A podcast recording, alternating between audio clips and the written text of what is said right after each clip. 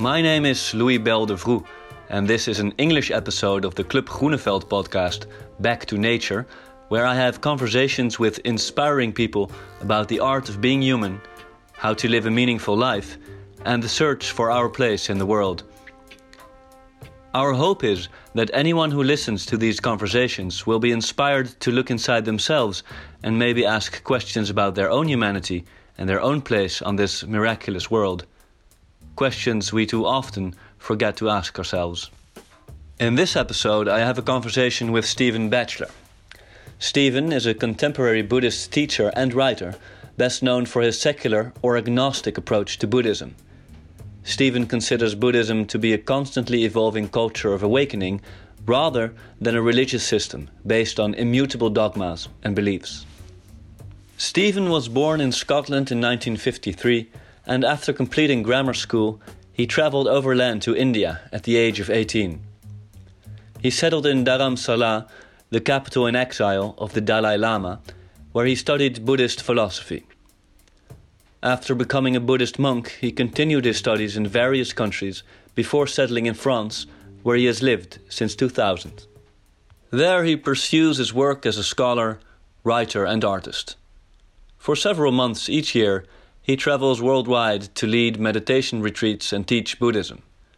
He is the translator and author of various books and articles on Buddhism, including the best selling Buddhism Without Beliefs and Confession of a Buddhist Atheist.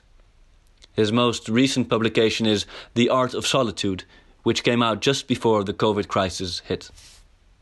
In our conversation, we talk about the importance of realigning oneself with the natural world, the different ways of experiencing life, be it skimming over the surface or finding a depth within your experience that allows you to get to grips with the core questions of who you are. About rediscovering the mysterious and how philosophy begins in wonder. The difficult question of how to know what is right and just. The ultimate importance of life not in an abstract sense, but in a concrete sense. Or the question how to actually lead a good life. About finding out that it is the process that matters, the constant process of learning, which requires humility, openness, and a sense of humor and the fact that, in a sense, the more you know, the less you know. Okay, so officially we are recording. Recording. Yeah, yeah you can see it as well.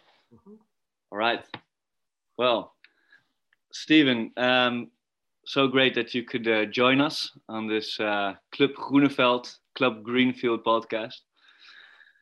Thank you, Louis. Uh, it's a pleasure to be here, and I hope we're going to have a good conversation. Me too. Um, normally, this podcast is actually called, translated, it's called Back to Nature. Uh-huh. Uh, and it was inspired mainly because we thought it would be a great idea if we just had a conversation while walking through nature. Oh. That was the that was the idea of it because uh-huh. conversations in nature, conversations while walking are different. Um, however, obviously, we are not walking and we are not in nature. Uh, we're inside. Um, but my first question would always be, where are we?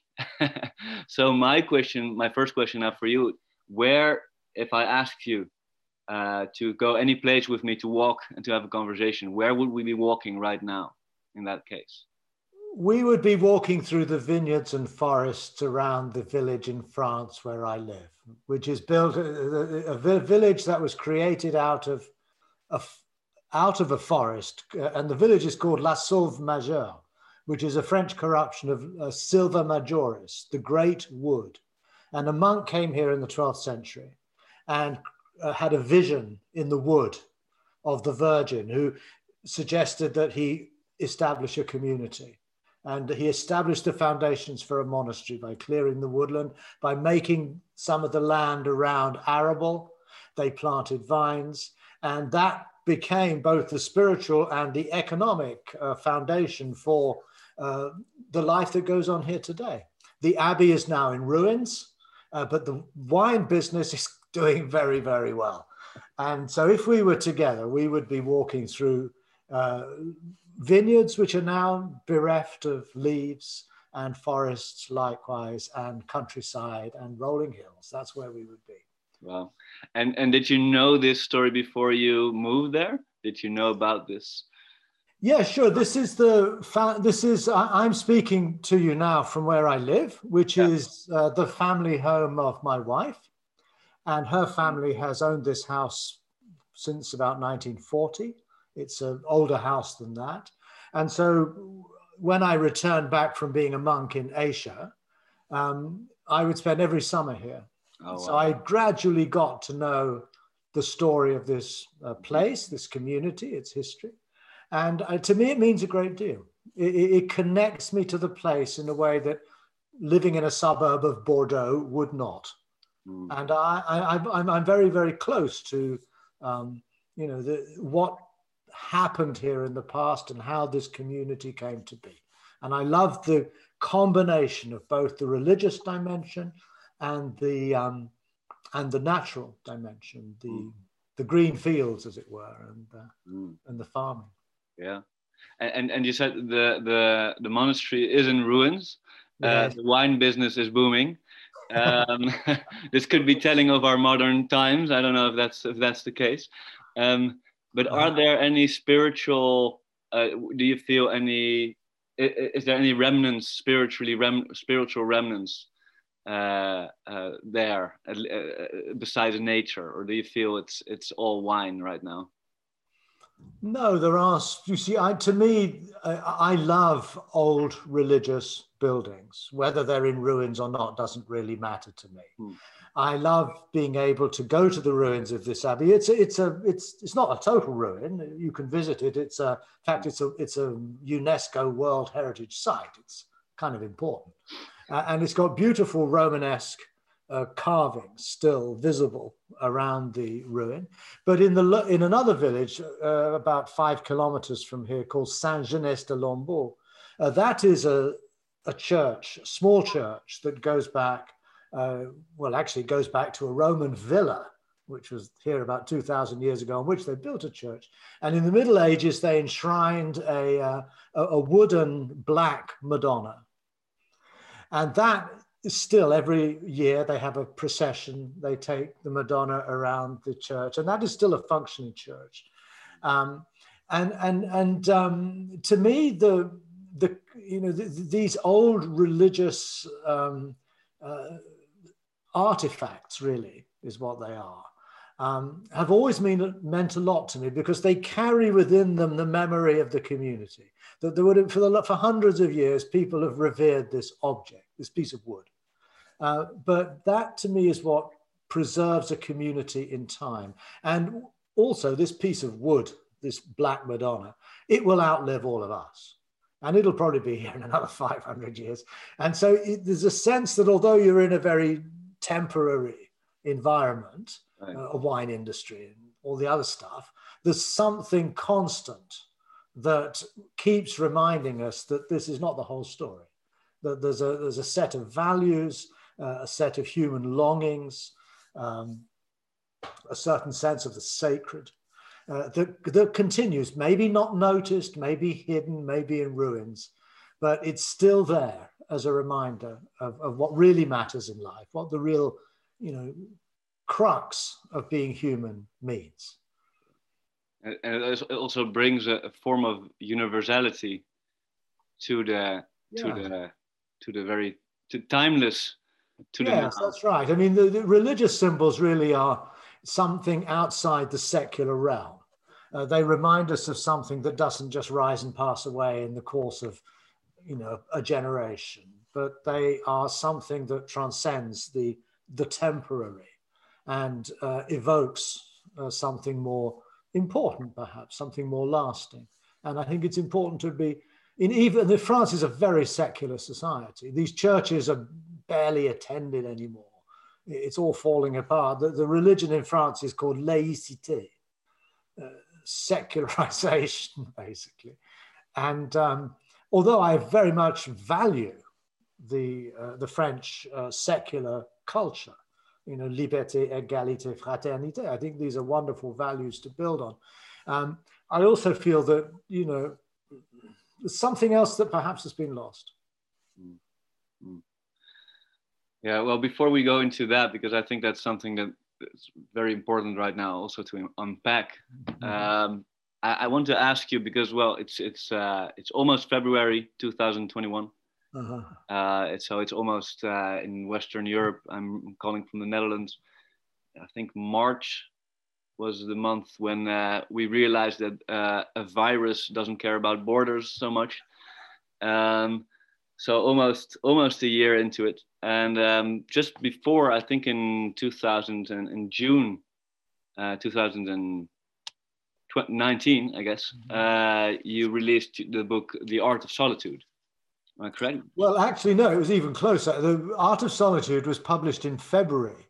Oh wow! Last year, 2020. I flew to the United States at the beginning of February oh, just wow. when the, the news was now beginning to talk of some SARS like virus in China. It was sort of there in the background. Yeah. And uh, the book was published by Yale University Press. So I went to New York, I went to Boston, and then I traveled across the states to New Mexico and then to Arizona. And then when I got to Los Angeles, which was the last stop on my tour, mm. it was the 12th of March, I think. And then we knew that something very serious was happening. And I'd just been sort of running to keep ahead of it. So the art of solitude came out at a curiously appropriate moment. Uh, not that I had anything to do with this, of course. It was just another sign of, uh, I don't know, whatever rules these things. Yeah. Um, but curiously, yes, I had written a book about an experience that people were just about to, you know, find out about for themselves yeah if they if they wanted to or not yeah, yeah. Um, so um, well maybe maybe then it's uh, it's uh, it could be it could be very interesting for everyone at home uh, uh-huh. to pick up their ears to listen about this art of solitude uh-huh. uh, and but maybe first could you explain about your own history in solitude because it, it started quite when you were at quite a young age you uh, and it didn't have anything to do with a virus or anything you decided on your own that solitude might be worth exploring by yourself. Could you could you maybe tell a little bit about of your history of solitude? Okay.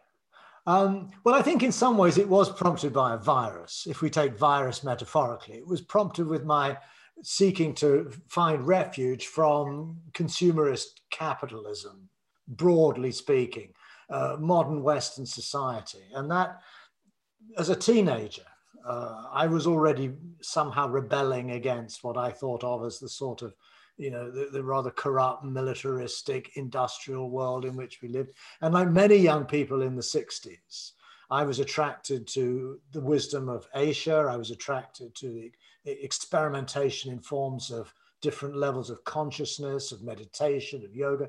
And as soon as I was able to, I was legally old enough to leave England after the age of 18. I finished my schooling, I worked in a factory, I earned some money, and I hightailed it for India.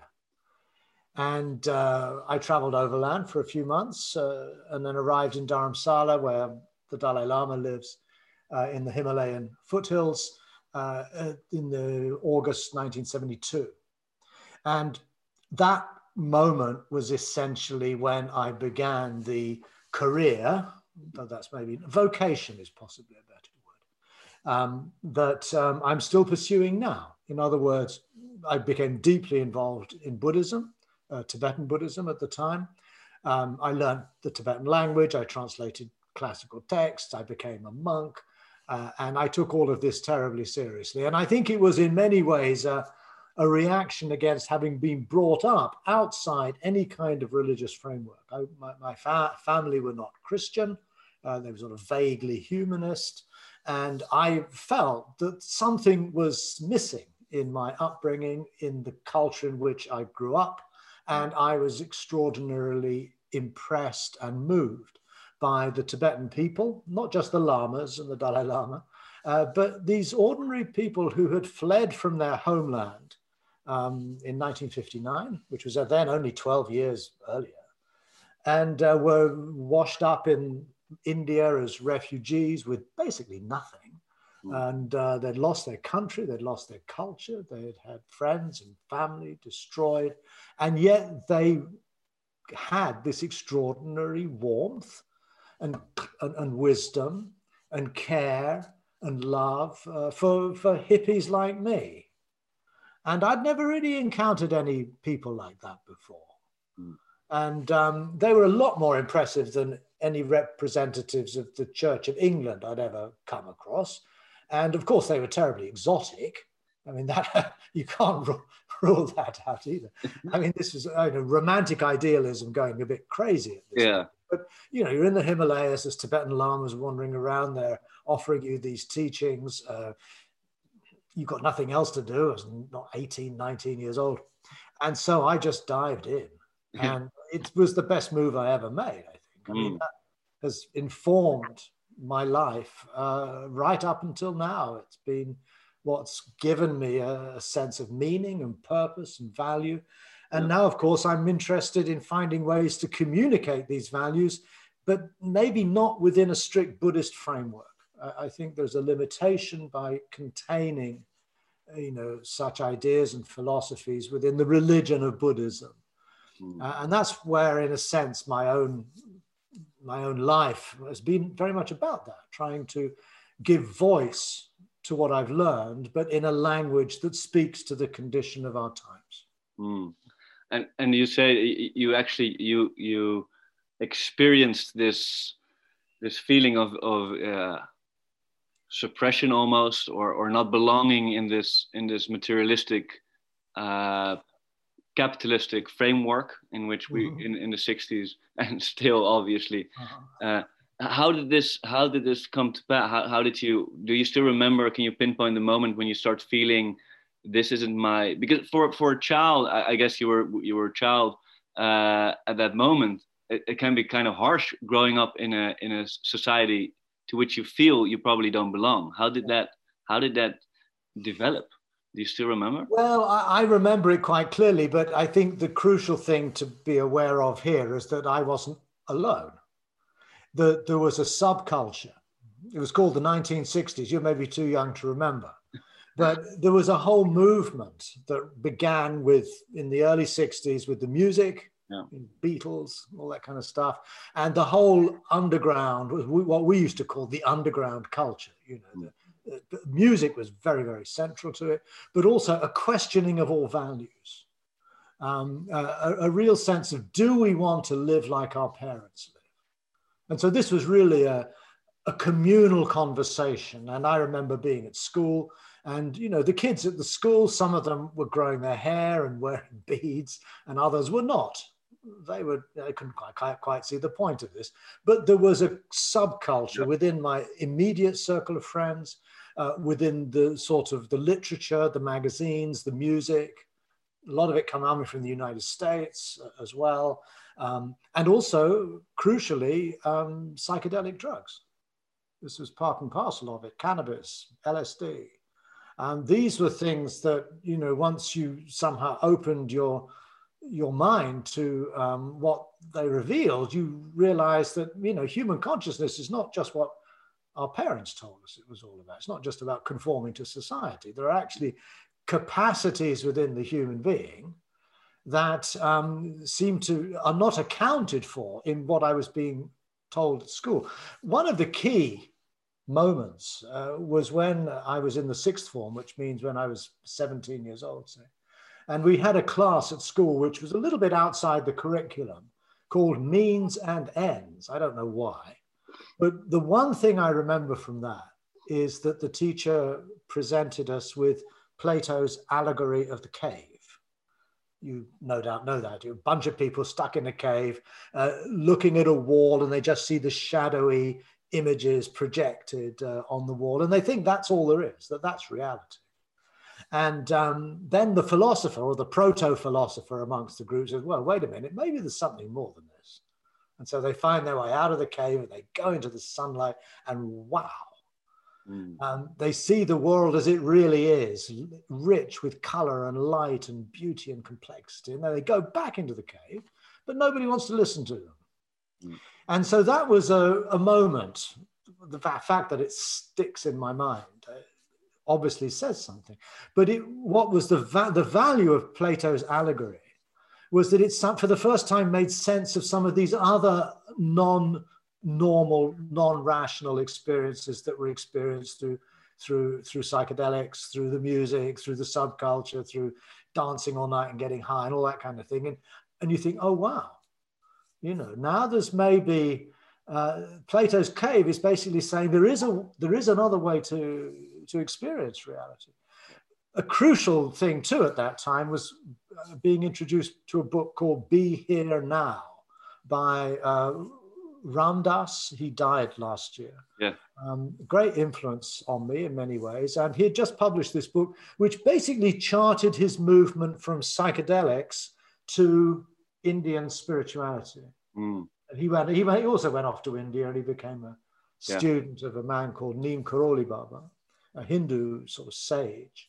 Mm. And that was the book that really tied everything together for me. Wow. Plato's Cave, uh, psychedelics, uh, spirituality, India, the East. Ah, and that probably prompted Yeah. my move to leave England and just find out what's going on in the rest of the world. Right.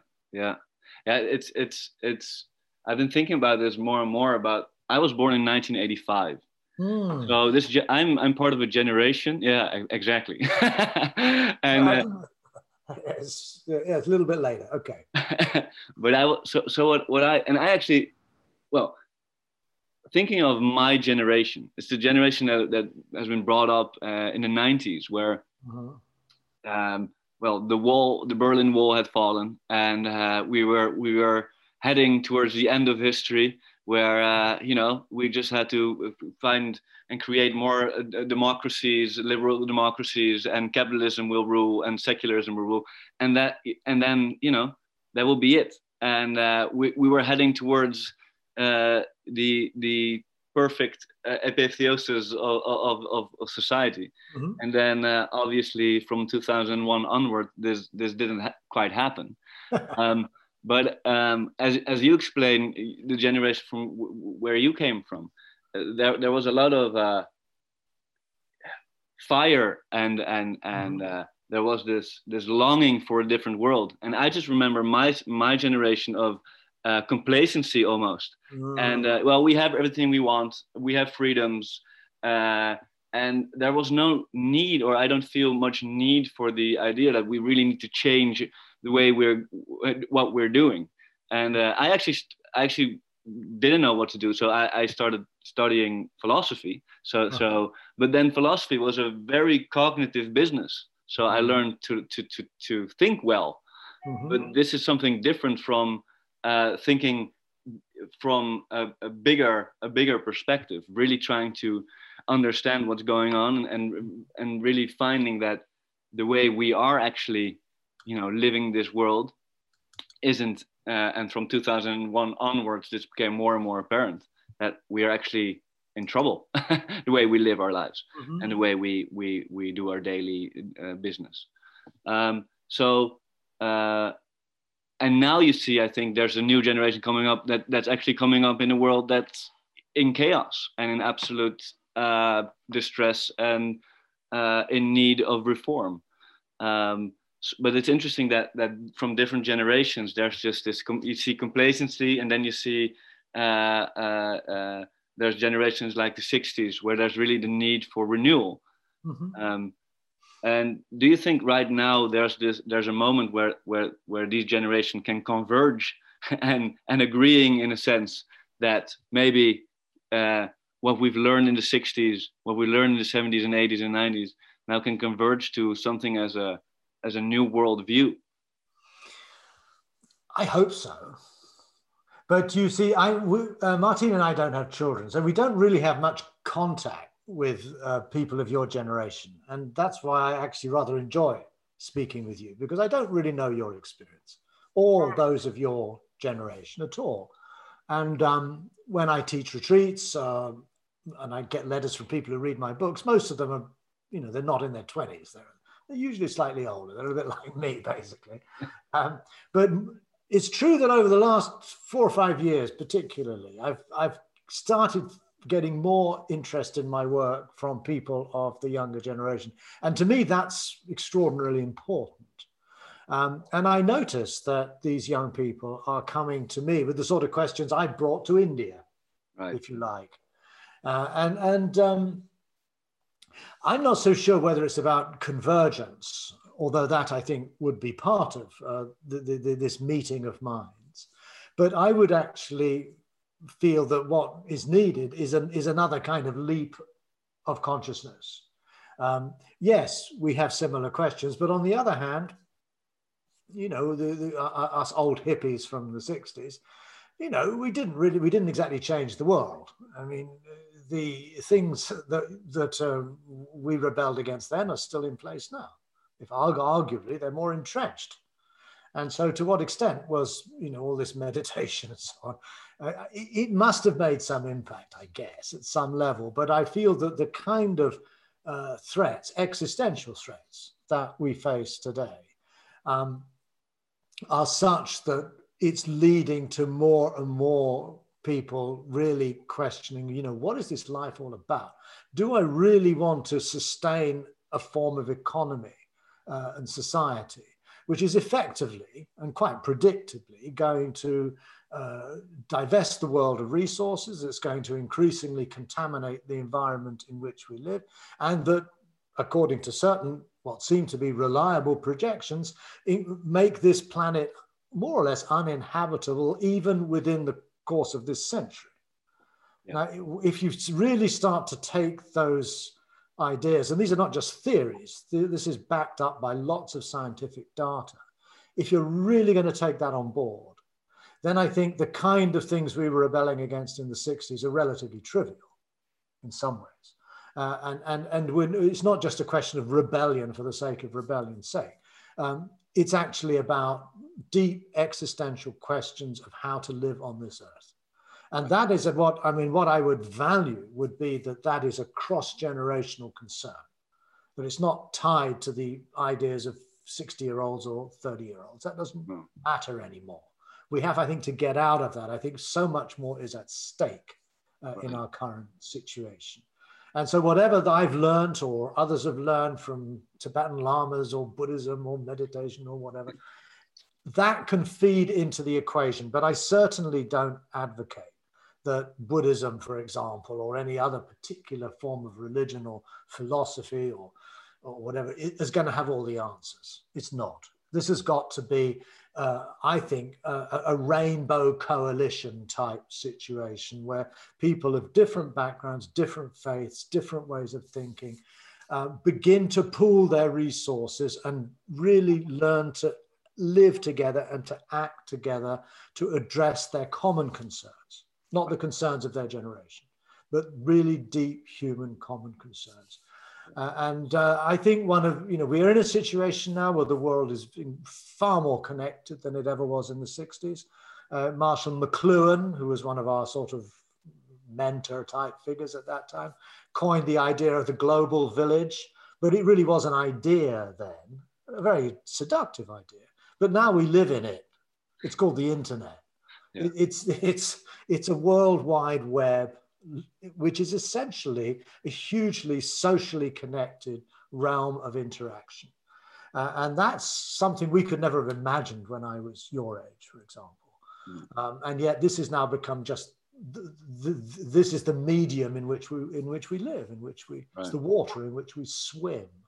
Right. And um, so I think we're in a situation now where it's increasingly difficult to uh, think of ourselves as somehow able to persist as a, as a national group or as a, a religious group. Uh, that all sounds, it's increase, it sounds increasingly outdated. And right. seeking to sort of dominate one cultural ideal on all, again, over all others, again, is rather parochial. And uh, I think we've, we've, it's past its sell by date, really. Mm. Um, how we're going to work this out, I don't know. If we're going to work this out, I don't know, really. And I think also we have to have the humility that just by coming up with clever technology will somehow solve the problem. I yeah. don't think it's got to do with technologies. Technologies can help, but if we don't fundamentally realign ourselves with the uh, with the, the natural world in all its aspects, if we come in, what I feel personally is that human beings, just insignificant numbers, need to really uh, come into a different form of relationship with life itself, with, with, with the natural world in particular. Hmm. Uh, and I'm very skeptical of uh, solutions that are about what happens after death. And that most religions, in fact, what ties religions together, Buddhist, Islam, Christianity, Hinduism, is the fact that yes, the world is a bit of a mess and you're going to die, but hmm. there's a solution uh, after death. You'll get to heaven or you'll go to some nice. Quite the solution as well. Sorry. The best solution as well. Uh, it's quite the solution, right? It's it's yeah, it's, a, it's it's a final solution. Yeah. Uh, uh, uh, but unfortunately, it really means you can the, the, the crises on planet Earth are really of uh, kind of insignificant. Right. Uh, that they are. This is just a. Uh, this is just a, a, a, brief passage of time of a spiritual being or a soul um, who is really got to keep eternity in its sights. Yeah. And Buddhism is, you know, promotes that as much as any, any other religion. And I feel that's a that, that can be dangerous because we don't give sufficient attention to the really pressing needs of survival on planet Earth. And as far as we know, and there's no evidence to the contrary, this is the only place uh, in the universe, perhaps, where this these you know forms of complex uh, life have come to be. I mean, statistically, there's likely to be a lot more, but we don't actually know. Right. We don't. We really don't know. And I th- and I would prefer to base the life I lead on the basis of you know what I know for sure. And one, the only thing I really know for sure is that living conscious beings have emerged on this planet. That's all I know. That's all I can be certain of. Mm. The rest is speculation. And um, religions, I think, often push us uh, into beliefs about other realms and other forms of being and so on that might people might be very convinced about. Right. There's no evidence. Right. It, yeah. all, it's just faith, really. So that makes... consolatory. It's what it makes you feel good to believe that. Mm. Nobody wants to die. So, so that begs the question: uh, how to live together and how to create this world where we're not heading to you know extinction extinction mm-hmm. because as you said nobody wants to die um, and and you, talk, you, you you you talked about how we have to find a way in which to find a common ground find a universal common humanity that, is, that belongs to all of us because it really doesn't make sense to have borders and have different language or have different uh, uh, countries uh, going against each other. So that so that asks the question uh, where and how to find this this common humanity. What what what is there in us that that's that's the same in all of us? What's universally human? And maybe that gets back to to to your book as well, solitude, in which you also state that in finding solitude, when when you have found the solitude inside yourself, then the outside starts begging again to yeah. to to interact with it. And could, could you maybe talk a little bit about how solitude may help in finding, well, your own humanity maybe to start with, but also maybe a common humanity?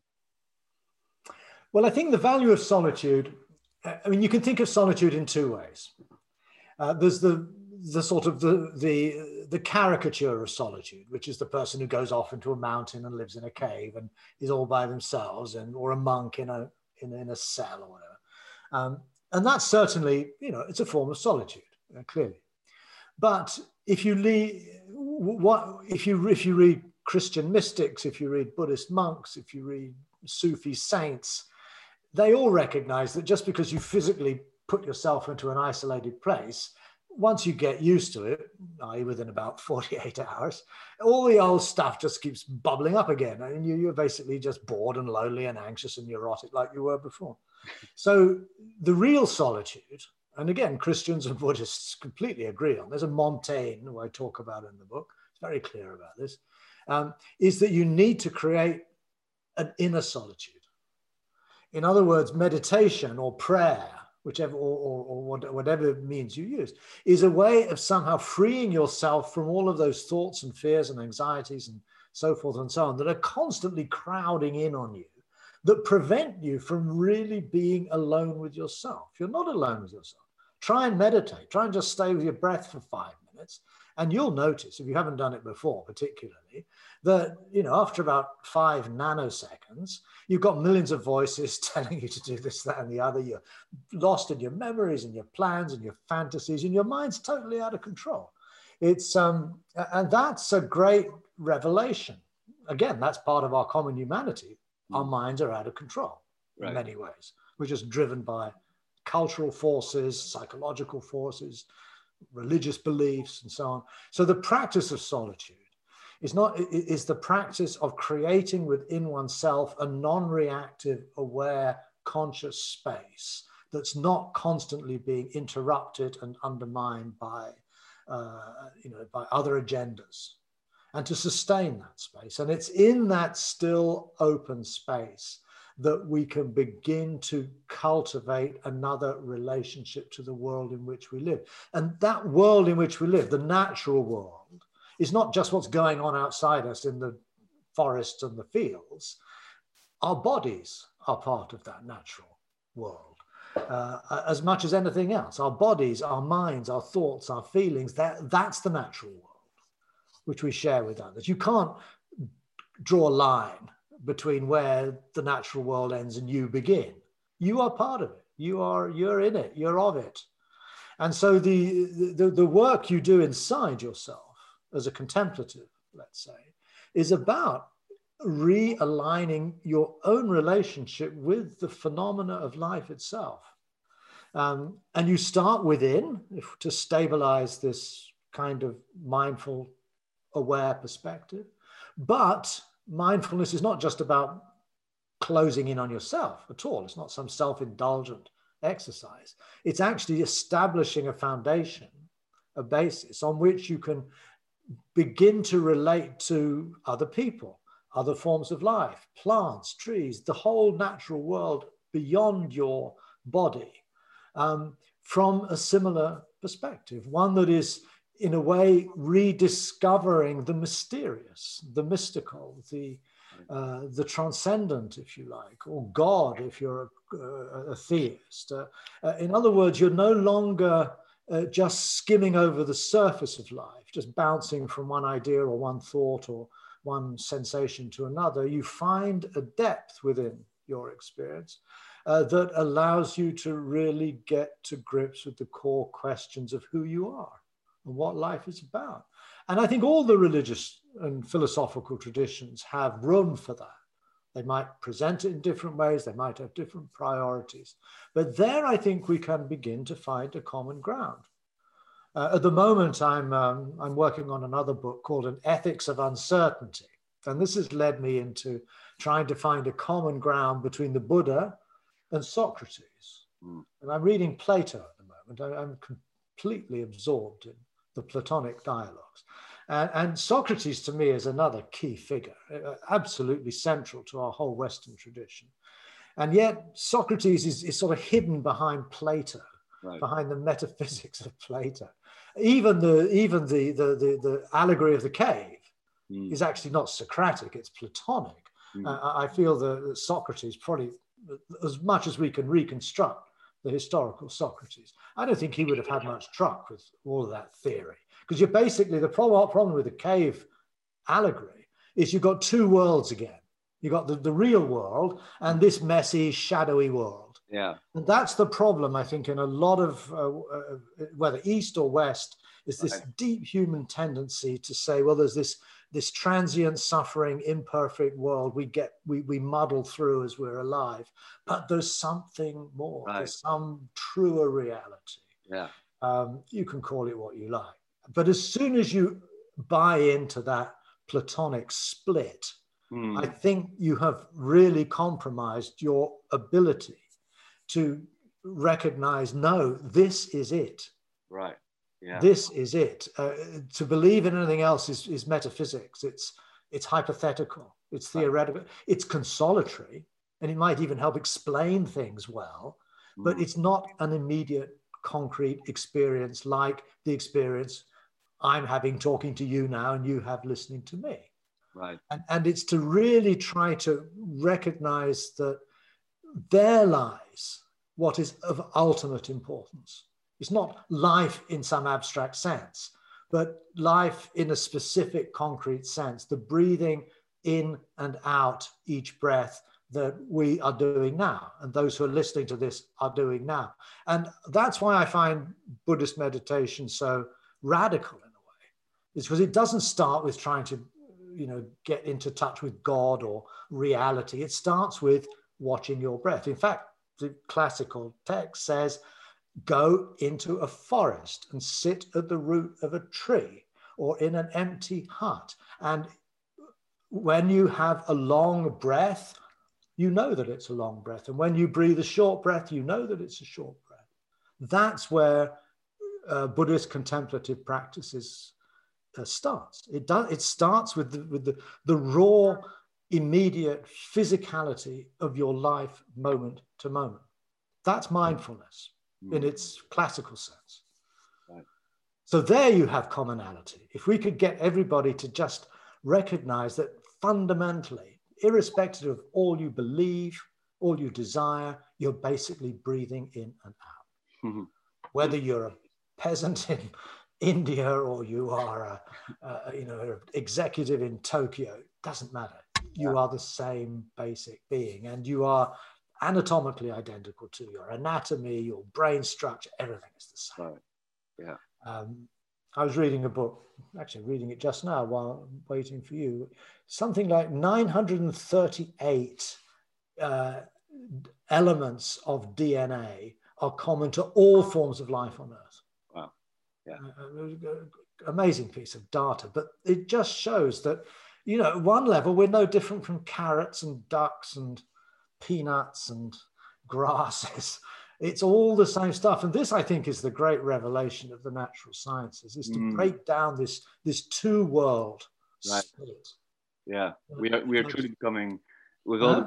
the, with, all the research that's coming out uh, uh, for trees and the way they are all connected, and the fact that we actually share, like mm-hmm. you said, like we, we share like 25% of DNA with trees or something. Yeah, that's right. That, that kind of thing. It's incredible. It's incredible. And, and don't think that quarter, when you look at a tree, it's something out there. Yeah. yeah. And, and I think that commonality even even is bigger than I think there's a commonality obviously between humans. So, but you're actually talking about there's this there's a, also you can you can sense a, a even a more deeper commonality or a deeper connection to like you said the natural world it doesn't stop with yourself you're you have you are from it yeah, yeah, yeah. We're an exponent oh, of the totally interwoven with it. Totally in, interwoven with it. But there is a but there's a cognitive way of saying this, and this this interests me or always interests me. So you can know there's something like knowledge, mm-hmm. and but you can if you just keep it in your brain, so to speak. Sometimes it, it doesn't connect with whatever it is, what is inside you. We could call it a soul. But whenever you recognize the knowledge for what it is inside of you with recognition, you can embody it. You can you can feel this knowledge being part of of the way you see things, and um, and the way you described there. It is all about we breathe in and we breathe out, and there when you when you listen to Plato, Plato, it's it almost seems like there are two worlds. But you can also experience, in my experience, with meditating. Uh-huh it's not so much as a split between two worlds, but there's a deeper understanding of the world you see. That's right. Yeah, I agree. It's uh, and um, you see where Socrates would differ from Plato is that Socrates will basically say, "I don't know what reality is." Hmm. Uh, Socrates is the great not knower. He says, you know, I'm the wisest. They say I'm the wisest guy in the world. Yeah. But the only thing I'm really certain about is I don't know anything. Yeah. And this not knowing this too, I think, is a very, very important part of this. Yes, we have knowledge, true, and we have extraordinary knowledge. We know about the DNA of trees. We know it's amazing how much we know. But the problem with any kind of cognitive knowledge is that it, it operates within a sense of a subject and an object.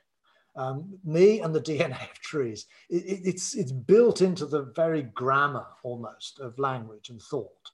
Um, what I like about Socrates, and I find it in the Buddha, I find it in the Taoists, like Zhuangzi, for example, right. uh, as well. And you find it in Greek philosophers like Pyrrho, uh, uh, Democritus, and others, is that, you know, in a sense, perhaps what's more important than what we know, our knowledge, is the acknowledgement of what we don't know, right. of our not knowing, of our of our really uh, the knowledge being in a sense like a very narrow beam of a torch that's very illuminating when you direct it to different things, but it only ever illuminates a tiny, tiny fraction of what's actually there. Yeah. Yeah. So a contemplative practice, you know, it's not so important in terms of what you get to know, but it's what you learn to acknowledge of what you don't know. Mm. And that's to me fundamental is to be able to rest in not knowing. And not knowing is the is the flip side of curiosity and questioning and inquiry and wonder. Again, Socrates says that philosophy begins in wonder. Right. It begins in being able to uh, recognize, you know, what the hell is this? You know, what is going on? Uh, in Zen Buddhism, you actually focus on questions and you don't do so in order to get the answer. No. You do so in order to deepen the sense of what it means to be a questioning being. Right. And that's what Socrates says. He says that the, the, the wonder is the feeling of the philosopher. Yeah. The person who, who, who seeks wisdom, but is not at all uh, commit, it's not, not at all convinced that they'll ever actually arrive there. So, so, so interesting because it almost feels like it's the opposite side of, of science, which it isn't because the big the, the, the, the biggest and the best scientists always have this curious yeah, mind. Exactly. But then, but then science has this way of, of closing down on something. It's it's it's for in my own experience. I started playing the piano when I was what, 10 years ago when I was 25, so quite late. And uh, I read, a, I started learning, and, and when I first started learning playing the piano, I thought, okay, if I cross, you know, metaphorically this pond. And I'll be at the other side, I know how to play the piano. But halfway through the pond, I was like in a river. Mm. And then mm. halfway through the river, it felt like, okay, I have to cross this ocean. The more you know about something, the more you, the more your knowledge uh, gets bigger on one subject. You see how little you know, which yeah. actually has this. I think this is a psychological phenomenon. This is actually true. Is a people that know that have big, large knowledge of something mm-hmm. actually are not willing to speak up as much as people who know very little about something. Exactly. Well, it's it, that's the Socratic approach. Uh, is the more you know, the less you know. Right. This is what sounds weird. Um, and I, I, and what I like about science uh, is that it, it, it's it whatever claim it makes, it makes it in such a way that it can be disproved. Right. It, it's falsifiable. In other words, to, to, claim certainty on the basis of science is actually a, it's not a it's not actually a scientific move. That's what people want. People crave certainty. They really want to know what's what. Science can give you, you know, degrees of confidence in certain bits of information, but it will also say that what we are presenting is something that is where our knowledge has reached at this moment. That yeah. science only progresses by um, by uh, uh, over by going beyond what we, what is, is, so so far known, right. and yet people like to think of scientific knowledge and sci- uh, scientific knowledge is the new religious dispensation, and the scientists are the new priests, and that's often how they're treated. Uh, but as you say, I think most the scientists are really, you know, on the edge, who really are, you know, the brilliant minds who come up with these ideas, have no such illusions. No. And the great thing about science is that it's an ongoing, never-ending quest for understanding. It's not uh, arriving at a final set of knowledge where you say, okay, universe, we've sorted that out now. We know what it's all about. Done. Yeah. That ain't gonna happen. Which sounds to me like a like a like maybe a similarity also to uh, you don't ever uh, in your writings you don't you don't write the Buddha right you write Gautama uh, most yeah yeah uh, but it sounds like his the way I've learned meditation is is it's always with a curious mind. The moment you stop having a curious mind, it becomes torture, because then you have to find something. Yeah, exactly. It's uh, um, again, it, it's it's very difficult to get it. Like with Socrates, it's very difficult to know where Gautama ends and Buddhism begins, in the same way where Socrates ends and Plato begins. Right. Um, but what appeals to me in the Buddha is the fact that he's offering us a way of life, a practice, a set of tasks to perform that will optimize our sense of what it means to be human. Uh, but that doesn't have to be grounded in some kind of ontological certainties, like that the, there is no self. That's become a Buddhist dogma. But weirdly, Gautama never said it. Uh, and yet you, you re- hear it everywhere. Most Buddhists believe this but this is just another dogma. It's um, it, it, the, the, the, to me one of the great passages in the early Buddhist texts is where Gautama is asked, you know, is there a self? Silence. Is there not a self? Silence. In other words, he's not interested in saying is or is not. This is the case. This is not the case. What he's interested in doing is keeping an open, curious, questioning mind. And like Socrates, and what matters really is not what is or is not, but what you can do. Not how the world is, is what matters, but how the world ought to be is what matters. It's an ethical question. That Gautama and Socrates are ethicists. They're concerned with how do we lead a good life. Uh, that's, in a way, all that matters in philosophy. The rest is speculative metaphysics. Mm-hmm. And, and that's, of course, the most difficult question. You know, how do I know what is good? How do I know what is right? How do I know what is just? How do I? That's the questions I feel we need to come together once more on this theme of commonality. You know, how can we arrive at a deeper consensus around what it means uh, to lead a good life?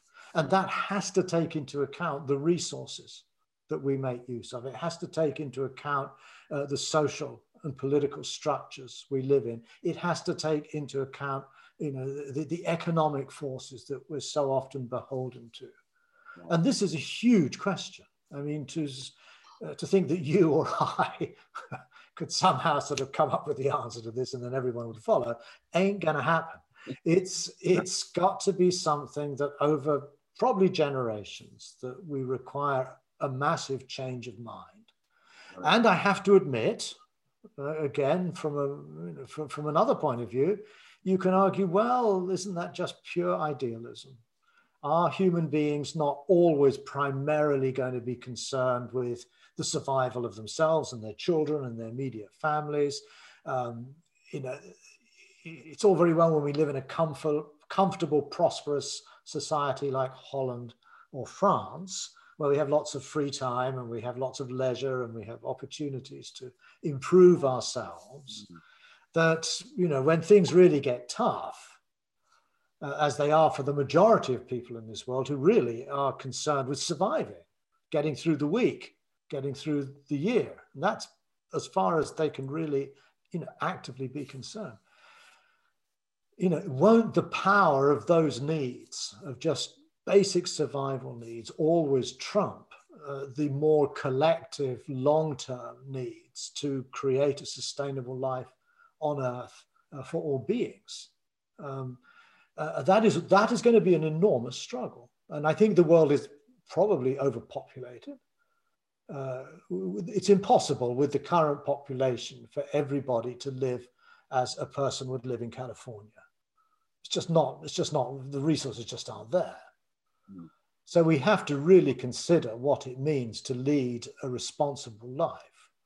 Um, uh, and in terms of the usage uh, and depletion of resources that is involved. And, you know, people can have all these nice green philosophies, but are they really prepared to make the kinds of changes that may be required in order to, you know, for others to be able to have, you know, decent standards of living, education, healthcare? Yeah. I don't know. No. I can look at this very pessimistically. Yeah. Easy. and would you say in your own life, would you say that there's an interesting line in your book where you say, after all these years of meditating, uh, I couldn't, I couldn't say with complete certitude that it has that it has made me a better man, something along those lines. But you would yeah. have you would have to ask my my my my wife or my or my brother or uh, did you ask? Did you ask? Do you know? Could you? Could you? how do you look back on that? Because you, you also you also write about your your psychedelic experiences in the last mm. couple of years with ayahuasca and and mm. and, and I got the sense that the the experiences you had there were quite uh, uh, affirming in a sense. That was you you led the life that was that was right for you. Yeah, no, that's a good point. Um, I think both are true. You see, I don't think we have to come down on the side of you know, my life has been a success story from the word go, or my life has been a complete waste of time. Uh, it's somewhere between the two. And uh, as you know, really, I am quite, I'm being completely sincere here, is that yes, I have spent thousands of hours meditating.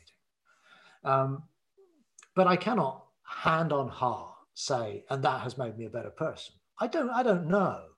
I, I think that that's not a judgment that the subject uh, uh, can make. Uh, and I'm quite serious when I say ask somebody else. But if I look at it even in a bigger frame, you know, history would judge uh, whether the things I've written and the things I've done, or anyone has written or done, uh, you know, are they going to survive and speak to further generations, or am I just really talking to, you know, the, the, the present situation here in the 21st century and like most things that are said and done by in people's lives, within a few years it'll be totally forgotten. That's very likely to be the case, uh, I suspect. And yet we have this egotistic idea that what I'm doing is really important and uh, uh, it's going to make a big difference. And da, da. we don't know. We don't know. And that, as you say, it conflicts also with other key moments in people's lives, whether it be through taking ayahuasca or through falling in love or having children, whatever it is, where we feel, yes, this is you know something that I can deeply confirm as, as good and true. That's also true. Uh, it's uh, it's a guessing game. Mm. We don't really know. I think the important thing really is to leave those sort of abstract questions behind and, and ask yourself, am I living my life optimally as I'm speaking to you now? Right. That, that's, the, that's the only thing I, I'm really concerned about right now. It's not the other stuff. It's about, you know, how am I communicating now? Am I getting across in a way that could impact other people's thinking and behavior in a way that would be supportive to them leading, I, you know, what they would consider uh, to be fuller and more contemplative and more responsible lives. Yeah. All that matters, I feel. The rest will others will judge. So so it's so coming so that's coming back to how to live the good am I living the good life? Am I living yeah a good life? I, I, I, yeah, exactly. And and and I think you also mentioned Mandela in your in your book. Yes. How he talks about that. And that, that actually it's so interesting that some cliches or maybe things that you've heard so many times can really be so full of truth. Mm. And, and you said it as well. Uh, your, your, words matter. The speech it, it, has it has influence. Mm-hmm. It, it has so if it matters, um, it matters where it comes from, where the speech comes from, what you say. So the first question before yourself is, what do I want to say? Yeah, exactly. Who I believe in? What is my that's right thing to add? No, that uh, this is a that's a, a, very good way to put it. And what it points to is that these sorts of questions are ongoing, and they're constantly dialectically involved in um, in how we live in the world. In other words, what I say now, what I write in a book, I then pay attention to the consequences, uh, how that then feeds back, the response I get, the reactions people have, uh, positive, negative, uh, and also the own development and uh, refining of my own thinking. I, I, I, I don't, I see every book I write really as just a kind of a record of a particular life being led. And there are certain points every five years or so where I make a, a statement, I, I communicate that. But and then I leave it behind. I never read my books again. That would be completely self-indulgent. Um, but once one is done, on to the next. And it's the it's the process that matters, and the constant process of learning, which requires humility. It requires openness. It requires a sense of humor. Yeah. Not taking yeah. yourself too seriously. and, and that's something that Montaigne comes back to a lot and yes. had a contemplative, contemplative life uh, and and I think he one of the biggest virtues he upholds I think is is uh, the cardinal is, is, truth being truthful. Being truthful yeah uh, uh yes he does being truthful. Uh, uh, and, and, that Socrates too Buddha too. I mean the, and I think it's an important distinction to make. To me the practice truth is not about what is real the truth. I'm very wary of that expression. I found the truth. Capital T. Yeah. What is important is to live truth as a virtue. In other words, to lead a truthful life, to lead a, an honest life, both to oneself and to others. To, um, yeah, truth is a practice, to be truthful, uh, to be a true friend, for example, to try to reread truth not as a way of talking about reality, you know, the you know, God is truth, for example. That doesn't, I think, it's not so helpful. But do I live a truthful, honest, open, you know, a life of integrity, really? But that requires that we do have in the background a set of values that we honor, one of which might be truthfulness. But I think we need a kind of a, you know, all of us will have, have a set of values, kindness and, and, and tolerance and openness and sympathy. I mean, I think all human, there's no religion in the world that doesn't encourage those things. And they are the basic common human values. And there's even scientific explanations to explain why these have been selected because they lead mm. to so, social harmony and, and, so forth and so on. Uh, uh, uh, and there, I think, you know, we can find common ground yeah. uh, and, and leave aside some of the more you know divisive elements of our societies that you know basically define us in opposition to the other yeah that i feel is crucial to somehow break down it it it, it brings it, it brings it back for me as well to because all these words truth honesty uh, and mm-hmm. curiosity i think that they are all bundled together almost in the way you should in solitude you can look at yourself. Yes that's right. And it's but it's quite difficult. Uh, i think that's also quite in, uh, interesting to I, sometimes i facilitate groups mainly with leaders of companies and they're kind of distracted.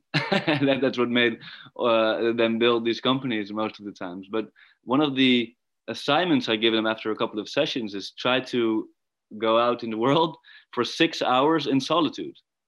Ah. And 20% of them don't manage. Six they don't manage to even start, or they don't manage to sustain it. Uh, sustain. Ah. So, and, and it's they, they just they just cannot. So so some after one and a half hours walking, and they don't even have to meditate or anything. They can walk or, and it and just just can't. And uh, for me, uh, and they don't see they, they don't always see this as as something uh, frightful or something bad. It's just it's just no, but I, I cannot do that. And for me, that's always such a amazing realization that for for so many people sitting down mm-hmm. in meditation or just for six hours mm-hmm. having no distractions is is a form of torture. so uh, and and then also with, with really trying to look into yourself uh, I think curiosity is a beautiful word because it's soft. It, it, really it opens up the possibility to be truthful. But there are I, when things become still, things become clear as well. Mm-hmm. Uh, not just the beauty uh, of life, but also the muddy parts and the, the, muddy parts. Muddy parts, yeah. And um, uh, and to really look it in the eye, I think in, in your article about extinction as well, we are not our ego is not is not a big proponent of looking at at the muddy part of life. It, it all wants the good part of life. We, we, we don't even want to acknowledge that we're going to die one day. Um, exactly. so m- maybe coming back also to your to, to what you say in your book, in the end, it's the task is not to choose between a life of solitude and a life of engagement, but to embrace both. Yeah, that's right. And learn how to find a healthy balance between them. So maybe coming back to if we're looking forward in, in this in this in this communality, um, it is helpful uh, to have people teach how to be curious and how to understand solitude and how to be honest and truthful starting with yourself because otherwise you can never be truthful with the world if you if you don't acknowledge your own faults. That's right.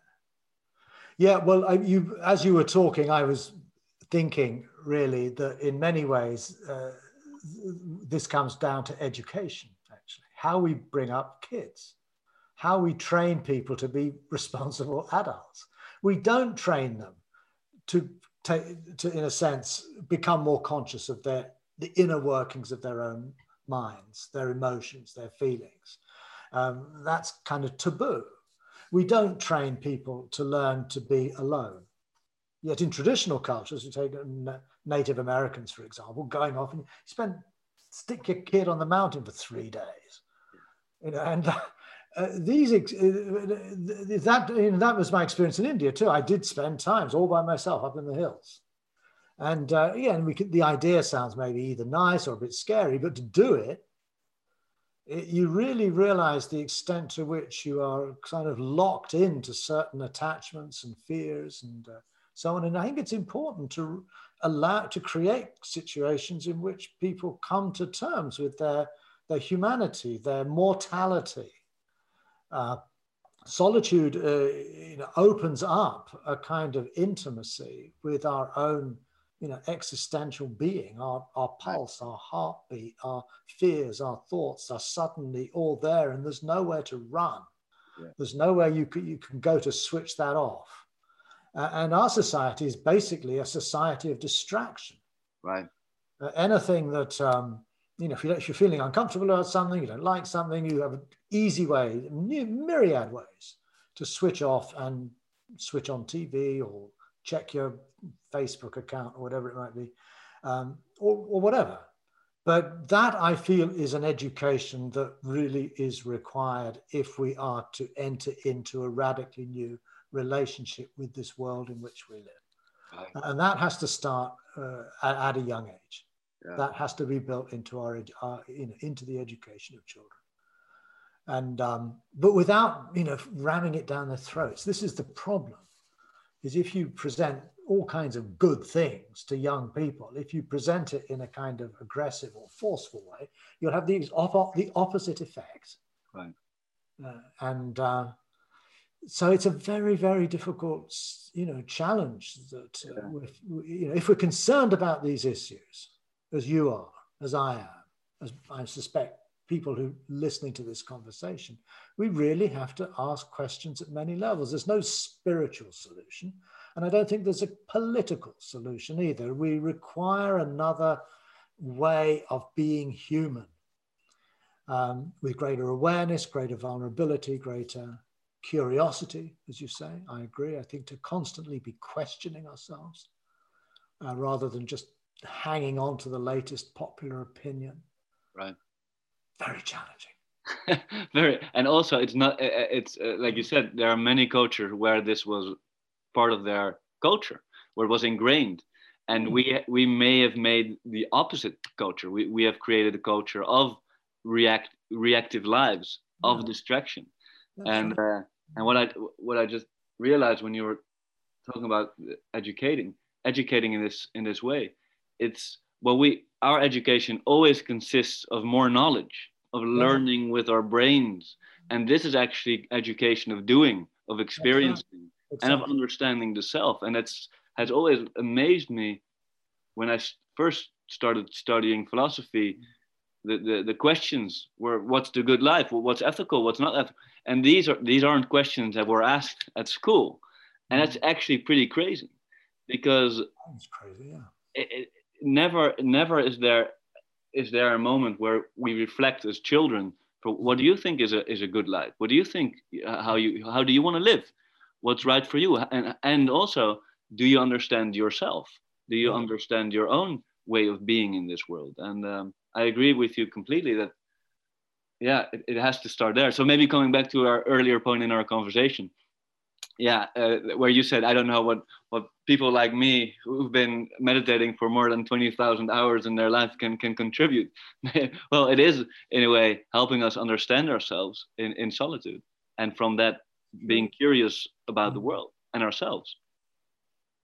Yeah, that's true. I think if if anything, what I've learned over all this time is not is, is to be is to be suspicious of everything I believe and to recognize the only thing I know for sure is that I'm questioning, which is actually where Descartes began too.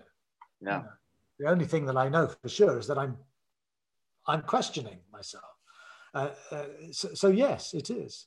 Um, uh, where do we take it from there? Well, that's another question.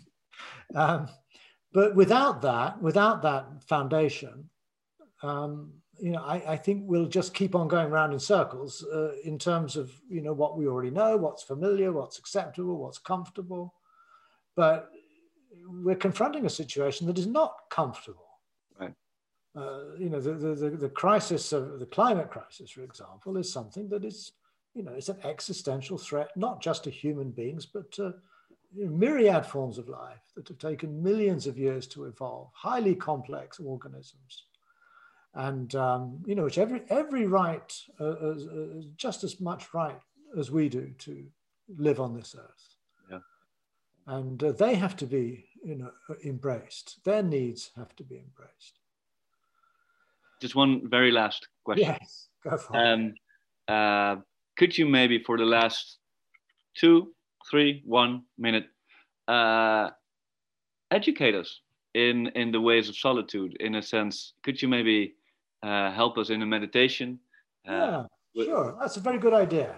Yeah. Okay, Mary. So um, let's conclude this uh, conversation not with more words, but with no words. And um, if you've done meditation before, then just do what you normally do. If you haven't, then just take a slightly different posture. If you're sitting on a chair leaning against the back, sit upright. Um, become conscious of your feet on the ground. Become conscious of your hands on your lap. And then become conscious of the fact that whether you like it or not, you're breathing. You're breathing in and you're breathing out. And the only way you know that you're breathing is because there are, it, it, it creates a rhythm of physical sensations in your body. The air passing through the nostrils, down the windpipe, expanding the lungs, the belly, and then there's a pause, and then there's a contraction of belly, lungs, and slightly warmer air exits through your nostrils. And don't, when you meditate on the breath, feel you have to do it a certain way. Just let the body breathe as if you were not conscious of it. That's actually quite tricky but just try to relax to the point where you can just observe and feel your breathing body. You are a breather. Just let it breathe.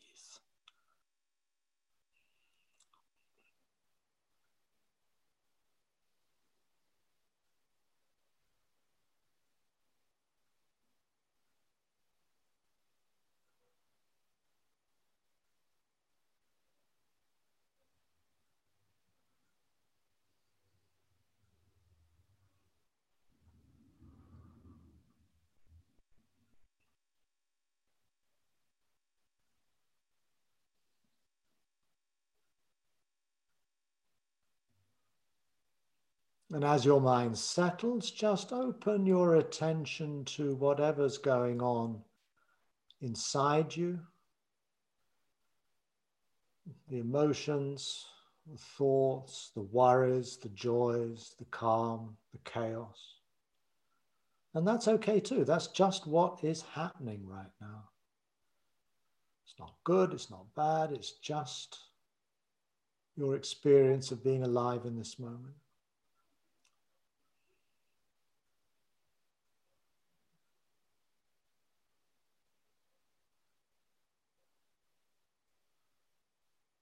Bring your awareness so that it's more centered in your body, in your belly, than in your head.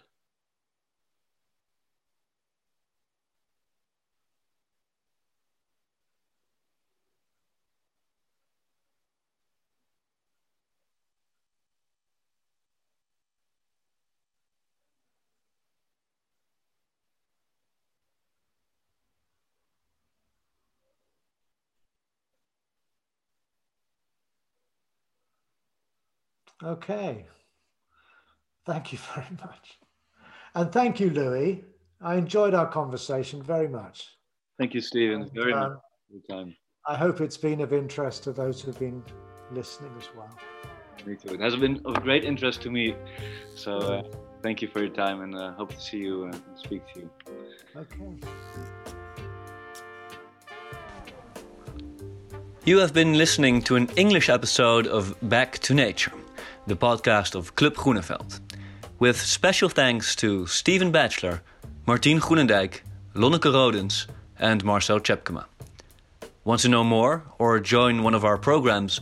Follow us at Instagram or LinkedIn, subscribe to our newsletter, or visit us at www.clubgroeneveld.nl.